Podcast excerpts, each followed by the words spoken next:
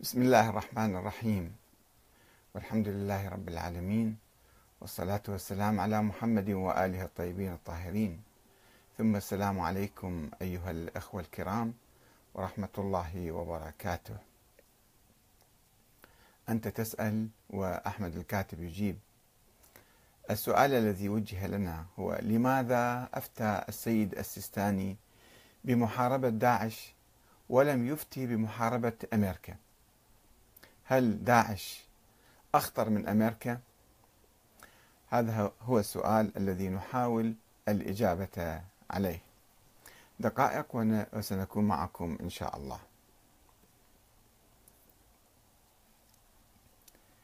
لماذا أفتى السيد السيستاني بمحاربة داعش ولم يفتي بمحاربة الاحتلال الأمريكي؟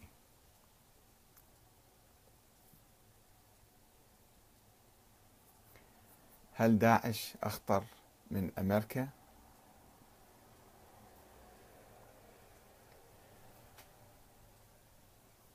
أنت تسأل وأحمد الكاتب يجيب. لماذا أفتى السيد السيستاني بمحاربة أمريكا؟ بمحاربة داعش ولم يفتي بمحاربة الاحتلال الأمريكي.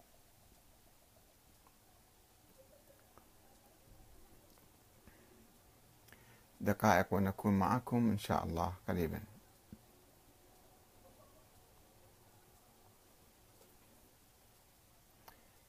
آه، بمحاربة داعش.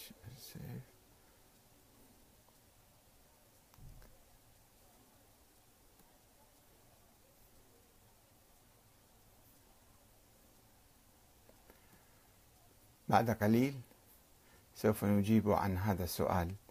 لماذا أفتى السيد السيستاني بمحاربة داعش ولم يفتي بمحاربة الاحتلال الأمريكي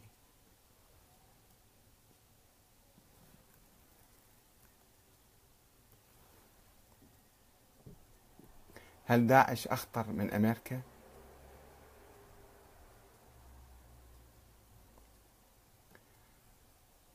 بعد قليل سنكون معكم إن شاء الله دقائق ونكون معكم إن شاء الله.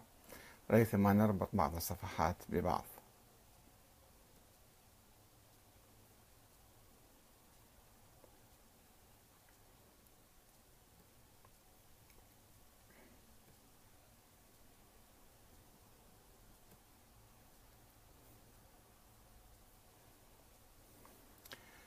أنت تسأل وأحمد الكاتب يجيب.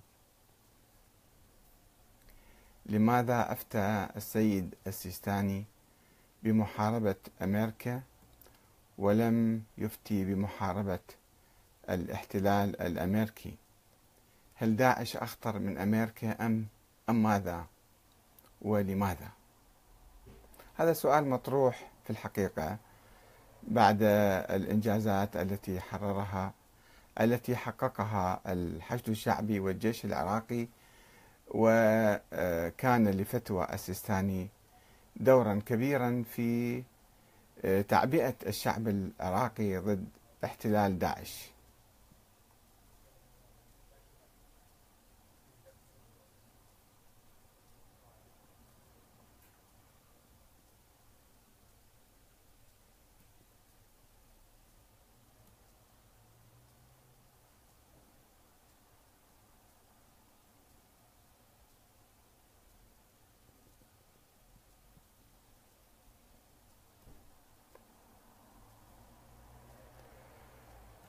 أما الجواب عن هذا السؤال آه، آه، طبعا قبل ما أجيب عن هذا السؤال إحنا طرحنا هذا السؤال قبل فترة وأجاب عدد من الإخوان عدة إجابات. الجواب الأول الذي يتبادر إلى الذهن طبعا أن داعش أخطر من الاحتلال لأنها تحرق وتقتل وتعذب وتقترف الجرائم التي لم تقترفها أمريكا. آه، وأيضا آه، البعض قال البعد الطائفي البعض قال أنه المال اعتمادا على إشاعة آه، مذكرات وزير الدفاع الأمريكي اللي هي مو صحيحة وكذب وافتراء. وأعجب جواب في الحقيقة وردنا في أنه أحد الأخوان كتب هذه الآية. لا ينهاكم الله عن الذين لم يقاتلوكم في الدين ولم يخرجوكم من دياركم. أن تبروهم وتقسطوا إليهم. إن الله يحب المقسطين. طبعا هذه الآية تشمل الناس اللي مسالمين وبعيدين عنكم. أن تبروهم وتقسطوا إليهم. أما واحد يجي يحتل بلدك ويدمرك ويقلب نظامك ويقلب كل شيء ويهيمن على ثرواتك فهذا مثل المحاربة بالدين أو هي محاربة بالدين أو ربما أسوأ من المحاربة بالدين. فهناك مبرر كبير حتى لو لم يحاربونا في يعني يحاولوا تغيير عقيدتنا ويحاربوا الإسلام كدين ولكن بده يحاربون المسلمين يحاربوا شعب ويسيطروا عليه. فهذا جواب جدا بعيد.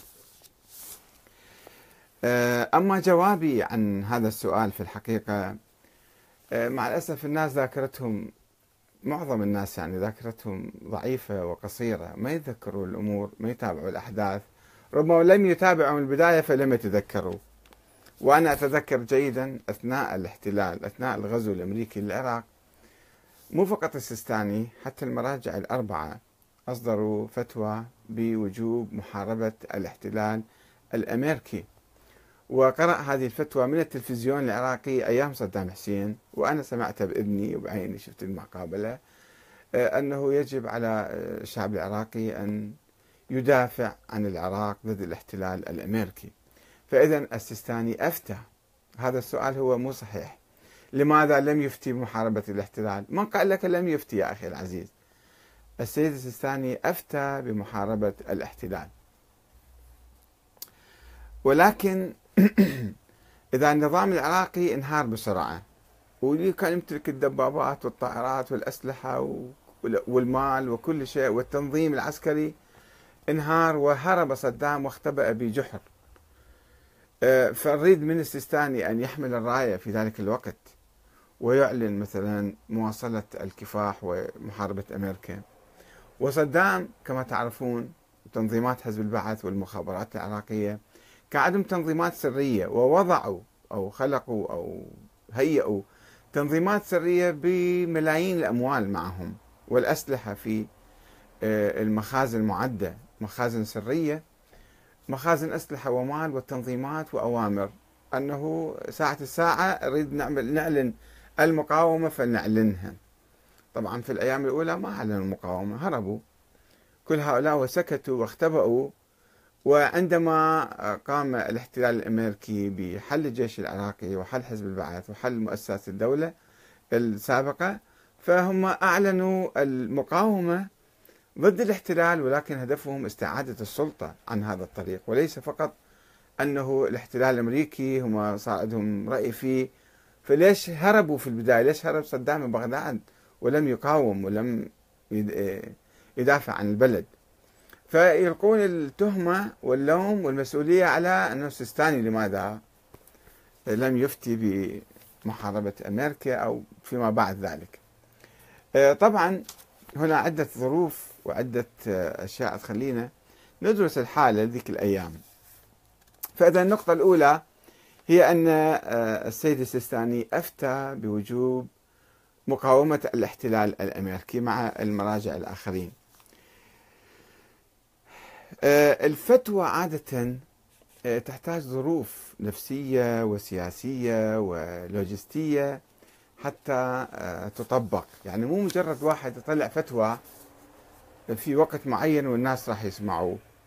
يعني ذيك الأيام الناس عايشين 35 سنة من الكبت والقمع والإرهاب والمجازر الجماعية والقتل وكل شيء. جت دولة قالت إذا سقط صدام.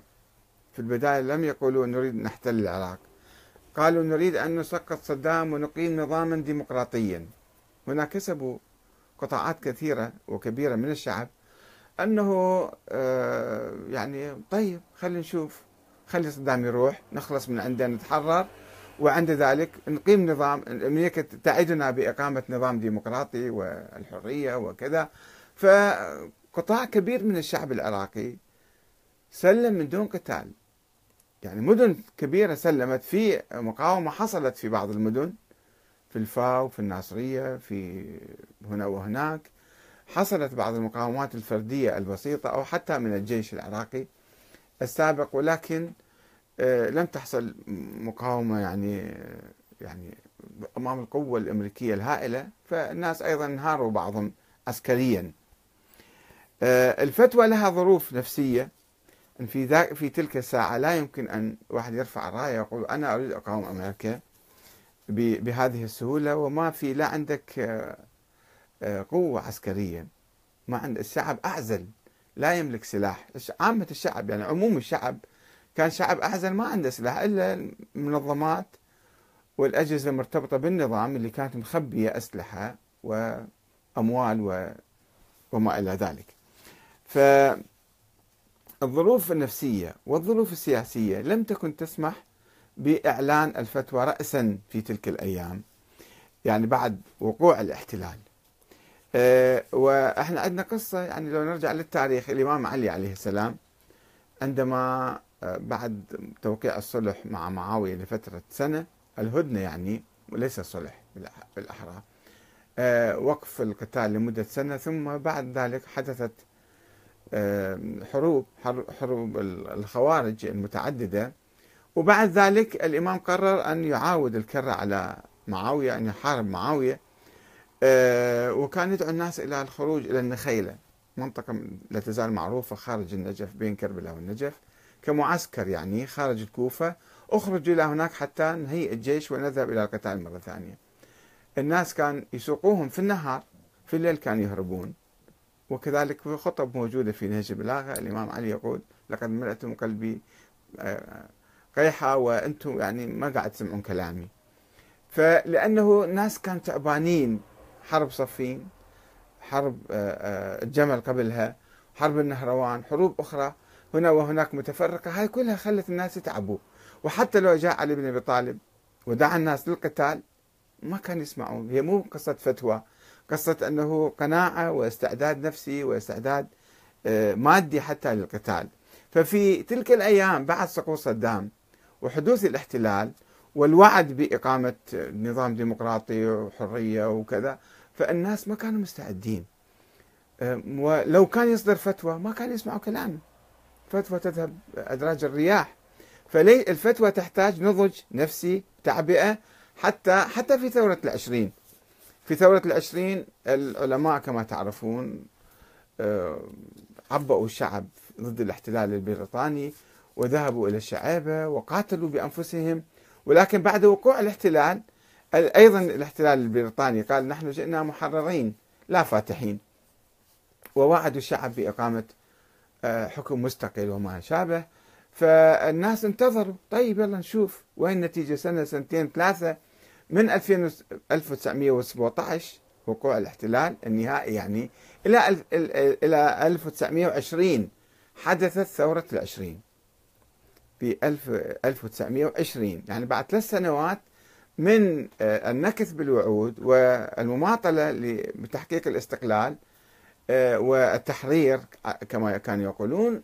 آه، المرجع الشيرازي أصدر فتوى وقال يعني تجب مقاومة أو اللجوء إلى السلاح لمقاومة الاحتلال. فإذا الظرف النفسي لم يكن يساعد في تلك الأيام ولو أنه في ناس قاتلوا ناس قاوموا بس بصورة فردية. بصورة حزبية بصورة جماعات مثلا منظمات. ولكن القائد الأعلى المرجع الأعلى مثلا اللي يدعو كل الشعب إلى المقاومة هذا ما كان يعني يعطي ثمارة وكله في تلك الظروف الأولى قبل استنفاد الوسائل السياسية. يعني كانت هناك آه، آه، خطة أخرى أو خيار آخر أنه ننتظر آه، ناخذ حسب الوعود الأمريكية نشكل نظام ديمقراطي حر وبالتالي نطلب من الاحتلال أن يغادر. هذا خيار كان مطروح خيار أعلى وفي نفس الوقت كان خيار العسكري اللي كانت تمارسه بعض المنظمات كتيار الصدري مثلا وتيارات أخرى في الفلوجة وغيرها لمقاومة المحتل. ما كان في تناقض بين الاثنين واحد يكمل الآخر في الحقيقة ولكن القرار أعلى. لو افترضنا السيد السيستاني هو القائد الأعلى في ذاك الوقت للعراق. آه، المرجع الأعلى للعراق هو لم يكن يرى أنه الجو مهيئ أن يعني نعلن خيار المقاومة العسكرية قبل استنفاد الخيار السياسي. وهذا ما حدث أنه آه، شكلوا النظام وبالتالي سووا مفاوضات وقالوا للأمريكان وكل القوى الحليفة لها أخرجوا برا وخرجوا وحتى آخر جندي لم يبقى بالعراق. آه، الشعب كان أعزل. يعني ما كان تقول تعال قاوموا وما عندك قدرة على المقاومة، ما عندك يعني إمكانية للمقاومة، أول شيء وفر السلاح وإحنا شفنا حتى في فلسطين عندما وقع الاحتلال الفلسطيني في 67 للضفة الغربية ولغزة وكذا لم تحدث المقاومة الشاملة في الشعب إلا بعد عشر سنين عشرين سنة في الثمانينات. يلا بدأت صارت الانتفاضة الأولى في 88 فما كان ممكن صارت في مقاومات عمليات فردية بسيطة ولكن الشعب طالب, طالب الشعب كل الشعب أن يهب للمقاومة والدفاع والحرب ما كان شيء ممكن يعني بسهولة. وحتى الآن هو خيار صعب في فلسطين أنه ما عندهم سلاح ما عندهم كذا إلى أن توفر في غزة توفر السلاح. استطاعوا أن يقاوموا.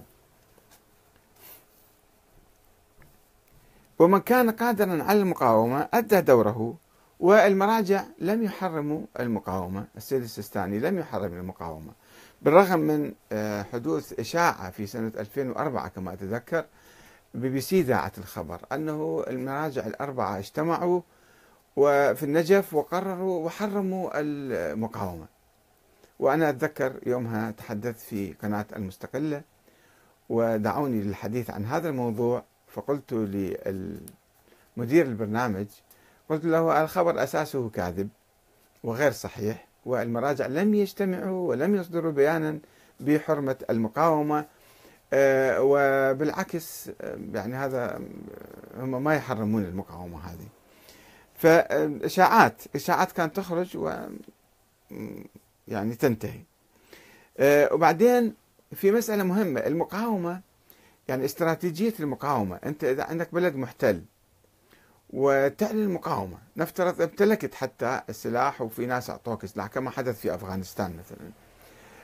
في الثمانينات جهات دولية وكذا أمريكا وغيرها أعطته للمقاتلين للمجاهدين أسلحة واستطاعوا المقاتلة والقتال. والمقاومة. ولكن إذا ما كان في نظام متفقين عليه فبعد ما يطردوا المحتل ماذا سوف يحدث؟ يحدث اقتتال بين الأحزاب المقاومة كما حدث في أفغانستان. وكل حزب يريد يصل للسلطة. إذا ما عندك نظام معقول ونظام يعني آه، صحيح لتبادل السلطة وما عندك نظام أصلا قائم فبعد ما الاحتلال ينسحب تبدأ الفتنة الداخلية والحرب الداخلية في الصراع على السلطة وكل الناس مسلحين وكل حزب يريد هو يحكم. كما حدث إذا تتذكرون في التسعينات عندما خرج الاتحاد السوفيتي من آه، أفغانستان آه، وبعدين بدأ بدأ بدأ المجاهدون يقتتلون فيما بينهم. كل يوم كل شهر كل أسبوع نشوف حزب مسيطر على العاصمة وضارب الأحزاب الأخرى. إلى أن حدث جت طالبان وسيطرت وتعرفون بقية القصة. فاستراتيجية بناء البلد. السيد السيستاني تبنى استراتيجية بناء البلد أولا قبل المطالبة برحيل الاحتلال لأن أخطار ما بعد رحيل الاحتلال ستكون أكبر جدا من الاحتلال ومن كذا إذا لم تكن هناك آه، يعني لم يكن هناك نظاما سياسيا وقيادة مجمع عليها متفق عليها آه، أكثرية الشعب موافقة عليها وهي تقود البلد وتقرر باسمه وتتفاوض مع المحتل. فتبنى السيد السيستاني آه، استراتيجية بناء البلد والنظام قبل وتوحيد الناس على أقل قدر ممكن يعني طبعا مو 100% ما كان في ناس ما يردون الوحدة آه، قبل اتخاذ قرار الحرب والمقاومة. آه، وأيضا آه، وبناء النظام الدستوري وتوحيد الشعب كما قلنا خوف الوقوع في الفراغ والصراع العسكري الداخلي كما حدث في أفغانستان. وأيضا يعني لو كانت هناك تحدث مقاومة وكل فصيل وكل حزب وكل مرجع عنده فصيل مقاوم ثم يخرج الاحتلال. وفي في هذه الأثناء البعثيون وغير البعثيين يتفاوضون مع الاحتلال أن نحن ننسحب من المقاومة وبس أعطونا السلطة لنا كما حدث في ثورة العشرين أنه أثناء الثورة جاءت المسبل التي كانت يعني مسؤولة الاستخبارات أو الحاكمة العراق أيضا في تلك الفترة آه، أنه تتفاوض أنه تعالوا ماذا تريدون؟ تريدون السلطة؟ نعطيكم إياها. وتتفاوض مع مختلف الجهات وأي جهة تسابق وصاروا الناس يسابقون يسابقون على الخضوع والولاء للمحتل من أجل أن يعطوهم السلطة ولا يعطوها لفلان أو لهذه الطائفة أو لذلك الحزب. فهذا آه، الخشية من تكرار هذه التجربة أنه ناس يضحون ويقاومون وآلاف الناس يسقطون ثم يأتي النظام السابق فلول البعث مرة ثانية تستعيد السلطة باعتبارهم أقدر على الحكم من غيرهم. فهذا أيضا كان آه، هدف سد الطريق أمام الانتهازيين والبعثيين للعودة إلى السلطة مرة أخرى. ونجحت هذه السياسة استراتيجية سياسة استراتيجية بناء البلد والنظام السياسي قبل وتوحيد الشعب آه، آه، قبل آه، المطالبة بالرحيل. وقد قام النظام العراقي الولد من العملية السياسية بطلب من أمريكا الخروج من العراق في 2011 كما وقع ذلك رئيس الوزراء السابق السيد نوري المالكي. وهذا أكبر دليل على صحة استراتيجية السيد السيستاني طويلة النفس أنه التوحيد الوحدة آه، وبناء النظام وبناء البلد آه، قبل المطالبة برحيل القوات. هذا شيء واضح يعني لو واحد بإنصاف ينظر وموضوعية وما عنده مو قصة طائفية لأن يعني النظام هو ليس طائفيا. في العراق ليس نظاما شيعيا هو نظام ديمقراطي والديمقراطية هي أقرب إلى السنة. وفكر السنة فكر الشورى. فهو نظام جديد لا شيعي ولا سني. من الخطأ أن نقول أن الشيعة يحكمون أو السنة لا يحكمون. والسنة والشيعة مع بعض الأحزاب كلها تشترك في الحكومة. آه، بعض الناس يأتون من خلفيات طائفية وليسوا هم الآن شيعة أو سنة. من خلفيات طائفية تاريخية ليست لها أي ليس لها أي معنى يعني أو أثر في في الحياة. آه هذا يعني آه واضح. بس نجي على نقطة أخرى من خلال طرحنا لهذا السؤال لماذا أفتى السيد السيستاني بمحاربة داعش ولم يفتي بمحاربة أمريكا؟ هل داعش أخطر من أمريكا؟ نعم داعش طبعا أخطر من أمريكا. وداعش عندما أصدر السيد الفتوى كان هناك نظام قائم ودولة قائمة. داعش كانت موجودة قبل هالفترة هذه. في 2006 كانت تحكم أيضا. الزرقاوي ونفس الجماعة نفس العمليات نفس القتل نفس الشيء. ولكن السيستاني ذيك الأيام قال لو احتلوا لو قتلوا نصف الشيعة لا تردوا عليهم. لو قتلوني لا تردوا عليهم. لم يصدر فتوى بمقاومة دواعش تلك الأيام في 2006 و2007 إنما الآن لأن بعد النظام ما كان مكتمل الآن النظام كان مكتمل وفي منظمات مقاتلة سرايا الدفاع والحشد الشعبي والفئات كلها موجودة وهناك قدرة على مقاومة داعش. وداعش تريد السيطرة على على النظام وليس فقط آه، تحتل الموصل و مثل بعض المناطق إنما كانت تهدف إلى إسقاط هذا النظام والعودة بالسلطه للبعثيين. وهم في جوهرهم بعثيين كما تعرفون. آه، ولكن يت يعني يلبسون قناع آه، السلفية والوهابية ولكن حقيقتهم هم رجال مخابرات صدام السابقين آه، عندنا أيضا يعني هذا السؤال هو ما يمس بالسيد السيستاني. عندما نقول إذا يجي واحد يطرح سؤال أنه آم آم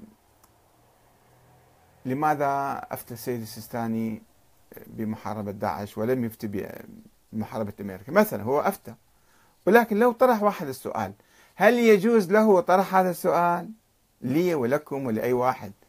نسأل المرجع أو نعترض على المرجع أو نحتاج عليه مثلا. افترضوا ما كان مصدر. مثلا أيام صدام حسين السيد السيستاني ولا السيد الخوئي لم يصدروا أي بيان بمقاومة صدام حسين حتى في انتفاضة شعبان 91 السيد السيد الخوئي قال يعني شكل هيئة لإدارة النجف ولم يصدر فتوى بمقاتلة صدام آه، فهل نعترض عليه؟ ممكن ممكن نعترض لماذا؟ ولكن لو واحد درس ظروفه في ذيك الأيام هل كان باستطاعة السيد السيستاني أو السيد الخوئي أو أي مرجع آخر يصدر فتوى ويبقى سالم؟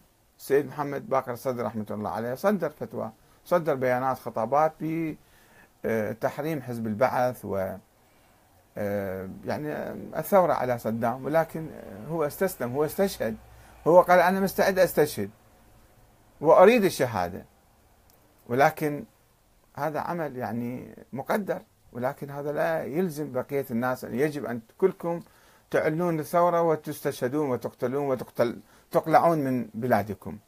ف آه، أنا أعتقد من حق أي إنسان يعني علاقتنا مع المراجع علاقة احترام خاصة إذا مرجع حكيم وزاهد ورجل يعني محب للوطن وحدوي مثل السيد السيستاني.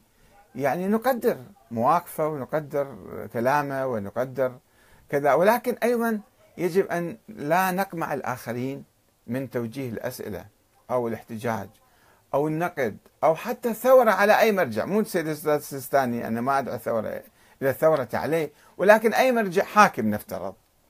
وأخطأ. هو ليس بمعصوم. ممكن يخطأ ممكن يشتبه ممكن يجهل ممكن ينحرف. وإذا الشعب قدر أنه هذا مقصر. في موقف ضروري اتخذه ما اتخذه. أو موقف عبثي اتخذ اتخذه. أو أي شيء كان. يعني آه، ما لازم إحنا نسلم تسليم أعمى ونقلد تقليد أعمى للمراجع. نتبعهم بوعي. عندما يصدروا قرارات وطنية وجيدة ومفيدة للشعب نسمع كلامهم. بس إذا صدرت قرار معين انتخبوا هذه القائمة مثلا. هذا ليس ملزما لأحد. لا لي ولا لكم ولا لأحد. أنه لا هذا خطأ. لماذا أنت دعيت إلى انتخاب قائمة معينة؟ مثلا قد يكون صحيح قد يكون خطأ. أنا أضرب أمثال ولا مناقشة في الأمثال. يعني علاقة الناس ما لازم إحنا نهبط مستوى الناس ونسحقهم. أن أنتم كل شيء ما تفتهمون أنتم جهلة أنتم ما تعرفون أي شيء. وهو هذا الشخص الوحيد الذي لديه علم من الله عنده علم كل شيء هو يعرف كل شيء. لا. نظرتنا للمرجع ولأي مرجع كان ما يجب أن تكون علاقة تبعية مطلقة عمياء. يجب أن تكون علاقة واعية. ونعرف الدليل نعرف السبب وخاصة إذا أصدر قرار أو فتوى معينة ونشوف كانت يعني فتوى في محلها إحنا آه، نلبي الدعوة. وأيضا نقترح عليه نقترح عليه كما اقترح بعض الأخوة على السيد السيستاني إصدار هذه الفتوى. آه، أنا ما أقول هو هذا السبب الوحيد ولكن أن يبادر الإنسان عندما تحدث أزمة مثل أزمة هجوم داعش وغزو داعش أن واحد يرجع إلى أي عالم كان سواء السيستاني أو غيره أنه طيب تكلم أعطينا رأيك صدر فتوى دورك مهم الآن في تعبئة الشعب في اتخاذ موقف معين. وانظل هكذا. علاقتنا يعني ما أقول أنا إذا يعني توجيه المراجع لا هم يفتهمون أحسن من عندنا وإحنا ما يصير نتكلم معاهم. ممكن أنت إنسان عادي عندك موقف معين تقترح اقتراح معين. الآن عندنا قضايا كثيرة في البلد موجودة. قضايا مثلا التعليم. التعليم عندنا خمس ملايين أمي في في البلد في العراق. نسبة كبيرة جدا من 35 37 مليون خمس ملايين أمي وخاصة شباب وأطفال ما عندهم مدارس. لا المرجع يقوم بحملة يعني حشد شعبي لسد هذا الفراغ بتأسيس مدارس وبناء مدارس ويعني نشر التعليم ومحو الأمية. هذا عمل عظيم يكون. الفقر عندنا الفقر موجود نسبة عالية موجود في البلد رغم الثروات الموجودة في البلد. مكافحة الفساد. يعني آه، هناك أدوار أخرى آه، للعلماء وللمرجع السيستاني ولغير السيستاني يمكن أن هؤلاء المراجع يقوم بها فإحنا إذا إجت فكرة عندنا يعني مو حرام نطرحها على المرجع ونقول يا سماحة المرجع الأعلى أو حتى الأدنى حتى مرجع إذا كان في بلد معين أو في مدينة معينة مو إلا المرجع الأعلى يعني مرجع في مدينة في قرية في أي شيخ أي مكان يعني. إذا عندنا أفكار نقترحها عليهم. باعتبار هو له دور كبير قد يؤدي دوره يقدر يعبئ الناس من خلال المسجد من خلال علاقاته من خلال كذا أنه اتخذ هذا الموقف. فإذا إحنا اقترحنا على المرجع أو أمرناه بالمعروف ونهيناه عن المنكر هذا مو حرام. لأن الإمام أمير المؤمنين عليه السلام كان يقول للناس في أيام حكمه يقول فلا تكفوا عن مقالة بحق أو مشورة بعدل. يعني كان يطلب الناس أن تعالوا تكلموا معاي احكوا. فعلاقتنا تكون ديمقراطية. الديمقراطية لازم فيها ثقافة مو فقط انتخابات ونخلص. لازم عندنا ثقافة ثقافة المبادرة. المبادرة وكل إنسان يشعر أنه هو له واجب وله مسؤولية ويبادر. يبادر بالحديث مع الناس اللي حواليه والقيادات الموجودة بالبلد سواء كانوا شيوخ أو مراجع أو خطباء أو علماء أو أحزاب أو قادة أحزاب أن إحنا نتفاعل معاهم ناخذ ونعطي مو فقط فقط نتبعهم ونطيعهم ونمشي ونقول إحنا كل شيء ما نفتهم وما لازم إحنا نتكلم مع المرجع. أكو ناس يشكل عندهم ثقافة. ثقافتهم أنه المرجع بعد خلص هذا كأنه وحي نازل عليه من السماء. هو إنسان عادي. قد يلتفت إلى بعض الأشياء وقد ما يلتفت.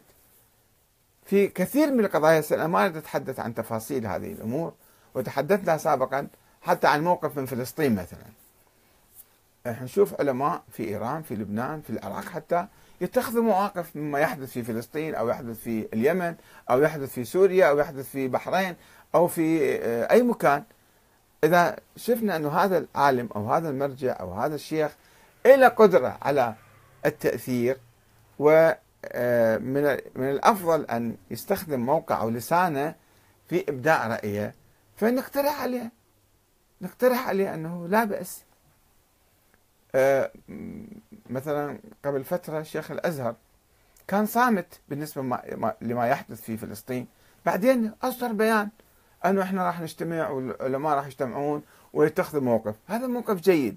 يعني إذا واحد اقترح على شيخ الأزهر مثلا يا فضيلة شيخ الأزهر نرجوك اتخذ موقف من من القدس أو من فلسطين. هذا مو حرام شيء جيد وبعدين قد يكون هو ما ملتفت يروح يلتفت ويندفع. كذلك مرجعيتنا الرشيدة المحترمة إحنا علاقتنا لازم تكون علاقة تفاعل مو علاقة فقط. يعني ما نريد ننقد نقد سلبي أكو ناس بس ينتقدون نقد سلبي. يعني فقط يريد يحطم الآخرين. لا هذا خطأ. مو بس المراجع حتى الأحزاب حتى الشخصيات حتى الأشخاص العاديين. من الخطأ واحد ينتقد الآخرين نقد سلبي يريد يحطمهم ويسقطهم وكذا. لا نقد إيجابي اقتراحات أفكار مثلا معينة. دائما يكون في تفاعل هذا يكون شيء مفيد لنا جميعا. آه، إلى هنا أكتفي بهذا القدر فأقول إن خلاصة الكلام. أن المراجع والسيد السيستاني اتخذوا آه، فتاوى أو أصدروا فتاوى بمقاومة الاحتلال في البداية أثناء الغزو وتليت فتاواهم من خلال التلفزيون العراقي وأنا نفسي شخصيا سمعت هذه الفتاوى التي قرأها السيد عدنان البكاء ذيك الأيام.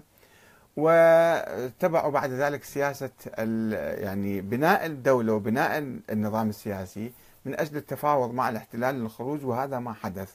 والحمد لله رب العالمين. الآن هناك محاولة للعودة. أمريكا تحاول أن تعود باسم محاربة داعش أن تبقي قواعد لها أو مثلا تأتي بجيوش حتى تقول نريد أن ندافع عن داعش. فما هو موقف المرجعية من ذلك؟ نحن ننتظر أن تقول المرجعية أيضا كلمتها في عودة آه، القوات الأمريكية إلى العراق. إذا عادت والسلام عليكم ورحمة الله وبركاته.